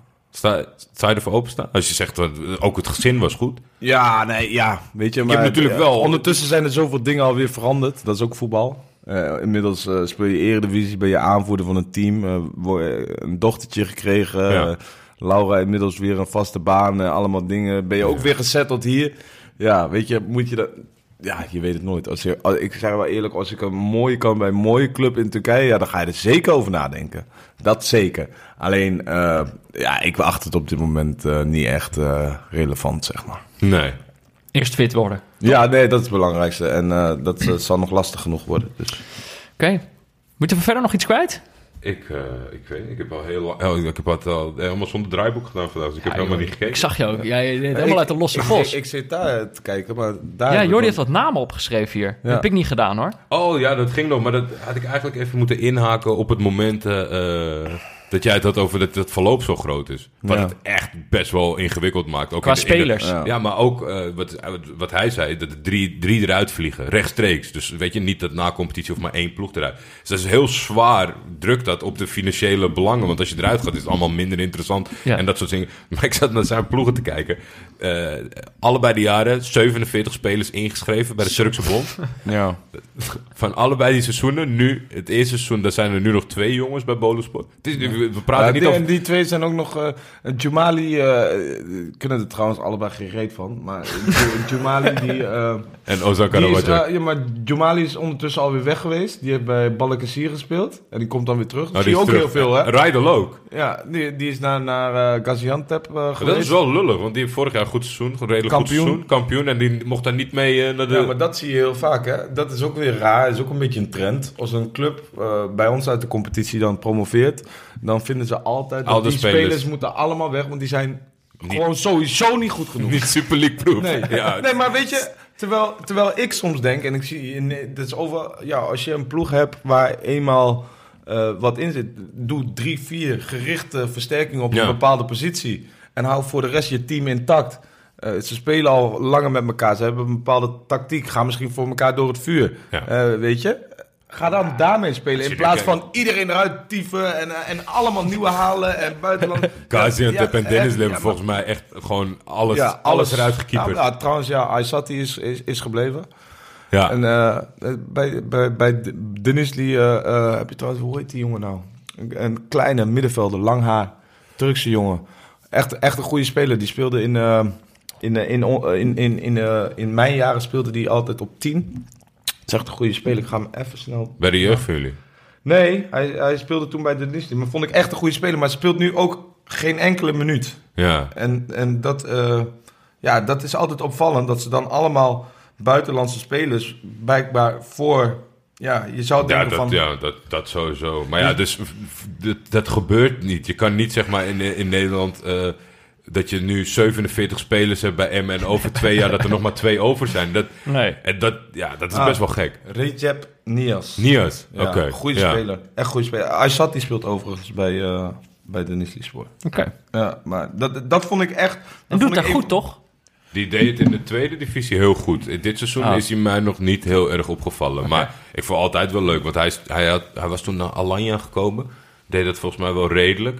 En dan soms, als je, als je, eh, dat zie je gewoon, als zo'n speler dan het naar zijn zin heeft, dan blijft hij ook wel. En dan betekent het ook wel als er een Super League een keer niet erin zit, dat ze dan een divisie lager gaan. Eh Leandro Capel zit volgens mij al, Ja, al Alta- vijf hij jaar. speelt eh, nu bij Altai. ja, hij zit al vijf jaar in Turkije. Maar het zijn jongens die het prima naar hun zin hebben. En die gaan ook wel... eh Leroy George, heeft bij Göztepe gezeten, Ah, bij ja. Adana gezeten. Ja, ja heb tegengespeeld toen vaak. Ja. Ja. Ja, maar goed, dat, dat, was, dat waren ook wel clubs die qua eh, financiën eh, toen wel eh, uitdeelden hoor. Björn Fleming stond toen in de spits Björn bij, Fleming. bij, Gustav. Die was trouwens toen al wel qua niveau, vond ik, heel matig. Maar die had daar geloof ik een Ja, contract voor vijf ton of zo. Die heeft volgens mij, want dat is natuurlijk echt subliem. Eh, zijn eerste aankoop ging hij naar Kayseri Erciyes volgens mij, voordat hij stopte met dat bestaan. kan, maar eh, bijvoorbeeld Kaiser Edges bestaat nu al niet. Nee, Dat- maar hij dat- scoorde er toen meteen 8 of 10. Ja. Dus dan kan je nog wel even drie jaar kan je dat nog wel Teren. van dat is die jongen die Ja, er toen ja, 10 ja. maakte. Ja, ja, ja. Dus voor neutrale kijkers en neutrale spelers valt er ook wat te halen. Ja, ja, ja. Er zitten inderdaad heel veel spelers die elders worden afgeschreven. Die kunnen dan toch in Turkije, voor mijn gevoel, vaak nog wel een soort... ik, eh, ik merk toch wel dat eh, eh, het, het financiële vraagstuk is over het algemeen, als ik jongens spreek, van sta je ervoor open? Dat, en dat is ook wel wat soms wel eens bij mij belandt dan, van zou je dat doen? Dat is toch wel de grootste zorg op voorhand. Ja. En dat is niet geheel onterecht, maar ja, je kan het een keer proberen, toch? Nou ja, het, het, het is ook eh, ja, hoe je er zelf mee omgaat en hoe je er, en er gewoon goed over nadenken. eh, qua wat is je situatie? Ja. Eh, van tevoren, ja, ik bedoel, eh, als jij transfervrij bent en ehm, ja, ze bieden jou een uh, mega-contract, je kan voor de rest nergens heen en je kan daar een mega-contract tekenen. Ja, dan, dan is dat waarschijnlijk je enige kans. Maar dan moet je je wel gaan afvragen van, nou ja, eh, ga ik alles krijgen? Wat voor voorzitter zitten? Zijn er in het verleden eh, betaalproblemen geweest? Hebben ze punten in mindering gehad? Ga Ja. informeren bij spelers die er al hebben gezeten. Eh, ja, noem maar op. En probeer eh, zoveel mogelijk... Jordi even een berichtje sturen. Probeer, eh, wat, Ja. wat, wat ik ook heb gezegd, van nou, ik wil gewoon een, een, een substantieel bedrag eh, van tevoren Voor hebben. hebben. En eh, als, ze, als, ze, als ze me dan niet betalen, dan heb ik in ieder geval dat bedrag waar ik mee wegloop. En dan neem ik dan ook genoegen mee. Ja, En, dan, en, en als je dat dan hebt, dat geeft denk ik ook wel een bepaalde soort rust. ja. En eh, tenminste, zo, zo was het voor mij. Dat gaf mij wel een bepaalde soort rust van, nou, dat ik dacht van ja, als ze me nu niet betalen, weet je, ja, dan zei het zo. Maar dan heb ik in ieder geval mijn ding eh, gedaan en heb ik, eh, heb ik er een goed bedrag aan overgehouden. En eh, ja, weet je, dan, dan kan je er ook anders mee omgaan. Ja, en de En- trans transferwereld is ook wel iets veranderd. Ik denk dat het ook wel belangrijk is voor spelers met dromen om, om te onthalen. En Nou toch ja, zijn de straffen best wel streng in Turkije. En wordt er ook echt gestraft. Ja, ja, ja, nee, dat Dus- zeker. dus- maar het was, ik denk dat ook vanuit het verleden een heel erg stempel was dan... Je moet daar niet te vroeg naartoe gaan, want je komt niet meer terug. Maar met, nu Ja. met data-analyses en, en Oh, met, ja. met de wereldwijde blik... Er zijn nu gewoon zat uitgaande transfers vanuit Turkije. Vroeger kocht Turkije alleen maar, verkocht nooit Ja. wat. Ja, ja. En dan gaf je gratis weg of, of naar de zandbak. Dus je kan nu ook gewoon Het tussentijd... zijn overigens wel altijd, wat opvallend is, omdat we het over de jeugdopleidingen hebben gehad, wat, het- dat, wat denk ik in Turkije nog, nog niet zo heel goed ontwikkeld is, Nee. zijn toch vaak Turkse voetballers, jonge Turkse spelers die naar het buitenland verkocht Nu worden. ja. Ja, ja. En dat is ook dan, daarom is Çağlar en Cengiz, die zijn allemaal heel belangrijk. ja dat, dat, Yazici, eh Umut Mirash, eh ja. noem maar Ozan. Kabak. Ozan Kabak naar Schalke. Ja, dat zijn Maar dat die eh, jongens succesvol zijn, dat, wat, ik heb altijd het idee gehad dat de top, toplanden zoiets hebben van ja, kan daar wel goed zijn of kan daar wel goed lijken, maar moeten wij dat, moeten wij dat proberen? En nu die jongens, die jonge jongens slagen, kan dat wel dat een beetje op gang brengen. Ah, als je zo'n eh zo'n Chaklar eh, bij, eh, bij Leicester ziet. Ja, dus, dit dat is echt, echt goed. Maar ook eh Meri Demiral nu bij Juventus. Ja, vind ik ook een geweldige speler. Gisteren stond op VI dat hij eh, de licht definitief zijn basisplek kwijt is. Ja, dat moet je nagaan. En de Ja. licht is, eh, is, is, is ook eh, fenomenaal natuurlijk. Ja. Dus, eh, nou ja. maar goed, Hey, maar dat dit is, we gaan deze, ontwikkeling. deze zomer eh, gaat Turkije natuurlijk ook naar, eh, naar, het, naar het EK. Ja, Maar- met, met veel jongens eh, van de Europese velden, dat is altijd wel anders geweest. Ja, maar dus de Turkse voetbal, we houden het in de gaten. En deze zomer gaan we het er sowieso nog over hebben. En dan weten we jou ook te vinden, Oké, nou Vond het ja, leuk. ik, ik, ik, eh, ik eh, acht ze wel in staat om een... Ja, ja dit, Er zijn maar voor- twee- Voorin is het een beetje Er problematisch. zijn maar twee smaken bij Turkije. Of ze gaan troosteloos eruit, of, Of, halve, uh, halve finale. Ja? Ja. Zwijnend naar de halve finale, denk ik dan. Hè? ja, maar wel... Leuk zwijnend. Leuk zwijnend, niet vervelend. Wat is niet het, niet wat is pool ook alweer van Turkije? Eh, wat was het nou ook alweer? Eh, het, het was, was niet zo moeilijk. Oh, het is niet... eh, is nu... Ah, joh, we hebben nog even. Het duurt nog een half jaar, joh. Ja, Voordat het allemaal begint. En je mag het wel even opzoeken, hoor. het is, ja, anders voelt het zo... De luisteraars hebben het nu al gevonden, Jordi. Ja, ik ben echt heel slecht. ik zit nu naar de week EK-kwalificatie te kijken. Hoe, waarom komt dit er niet? Turkije, EK-pool. Dit is toch niet normaal? Of ben ik iets slecht? Dit is het ook niet. Ja. Het is toch 2020? Of ben ik nog Ik gek? heb hier eh, Italië, Wales en Zwitserland. Ah, joh. Italië, Wales en Zwitserland. Ja, joh. Ja. Dat, dat vind jij niet zo zwaar. Nee. nee? Nee, Wales is een ballenploeg. Italië is het minste topland wat je kon treffen. Ik denk dat Zwitserland lastigste wedstrijd wordt. Maar daar hebben we nogal eh, dit- geslepen messen verleden mee. Met, met Zwitserland? ja. Kan, kan je dat niet herinneren? Die totale massale vechtpartij? Nee, zeg me niks zo. Nee, ze waren Nee, een beetje racistisch bejegend bij het uitduel. Oké. En eh, eh, ook die trainer toen, die kleine oude man, Kobi, Kubi Koen. En toen moesten ze uit de return spelen. Ik geloof dat Zwitserland 2-0 had gewonnen. Ze kwamen al heel snel op 0-1. En toen ging Turkije echt volle bak. Dat, dat- dat- het volkslied barstte je speakers uit, zeg maar. Zo Oké, van- ja. En toen kwamen ze één doelpunt tekort. En toen sprinten alle Zwitsers van het veld af naar het laatste fluitsignaal. Omdat ze veilig naar binnen wilden. En onderweg schopte eh, een speler van Zwitserland... Die, die schopte de verzorger zo van achteren. Ja. En toen, toen, nou, toen, Toen was het... chaos. Ja, want ze gingen al een soort van uit automatisme achter ze aanrennen... zonder Ja. dat iemand wist wat er aan de hand was. Ja. ja. Turkse voetbal is helemaal terug. Ik ben, ben ik heel blij mee. Nou, vooral als we, jou er, eh, als we jou erin kunnen betrekken. Nou ja, we zullen het zien. Het is mijn goede voornemen voor het nieuwe jaar. Eh, nou, Dit was Neutrale Kijkers, eh, mede mogelijk gemaakt door Dag en Nacht Media. Gesponsord door Auto.nl. Veel dank natuurlijk aan onze gast van vandaag. Het was allemaal li- live vanuit de woonkamer van, van Anko Jansen. Graag gedaan. dankjewel dat we welkom waren in, eh in Zwolle. En dankjewel voor, eh, voor al je kennis over het Turkse voetbal. En, en, en hoe heet het? Ervaring. Ervaring. Ook Ervaringen. Ja. Eh, veel dank aan Barry Pirovano voor onze illustratie natuurlijk. En Leon Liesner en Friends. En Studio Cloak eh, voor de muziek. Ja, die hoor je nu niet aankomen. Die moet je er maar bij indenken. Oké. Die muziek komt er later onder. Eh, je kan een berichtje sturen naar mij of Jordi op Twitter. Dat is @defef of @buurtvader. Kunnen ze ook een berichtje naar jou sturen? Heb je Twitter? Zeker. Ik, eh, ja, zeker. Ik, eh, ik twitter nog wel eens. eh Jordi eh, weet er alles van. Ja. Ik, ik, vind, ik, ik gebruik eh, Twitter eigenlijk ook alleen eh, voor voetbal. Ja. En eh, ja, ik, ik lees voor de rest wel andere dingen. Maar Het is het ik, Ed, eh, Anko Jansen. ja, Gewoon ja, eh, simpel. gewoon eh, ja, heel simpel. Gewoon Ja. mijn naam. En eh, ik gebruik het alleen voor voetbal. Oké. Ja, Oké, dus weet niet eh, levensdingen. vragen Nee, ja, van, ja. eh, Anko, Ja. ik sta eh, op, Nee, op een ja. T-splitsing in mijn leven. Gewoon Nee, een uitslag en filmpjes, leuke filmpjes. Dan moet je. Jordi hebben. Ja, dan je moet je mij hebben. Eh, je kan ook meepraten via de hashtag Neutrale Kijkers. En je kan natuurlijk ook mailen naar neutralekijkers.gmail.com of een eh, recensie achterlaten in je podcast-app. Als het goed is staan we in alle podcast-apps. Toch? denk het En wel. anders moet je bericht sturen naar Dag en Nacht Media. Moet je niet bij ons zijn. dat regelen we zuiver ons. Nou, ehm, fijne feestdagen iedereen. Ik denk dat het, je hebt hier ook je kerstboom staan, eh Anko. Ja. We hebben, net, we hebben net de FCM kerstboog gezien. Oh mijn god, prachtig ding. Ja, hangt overigens niet in de boom, hè?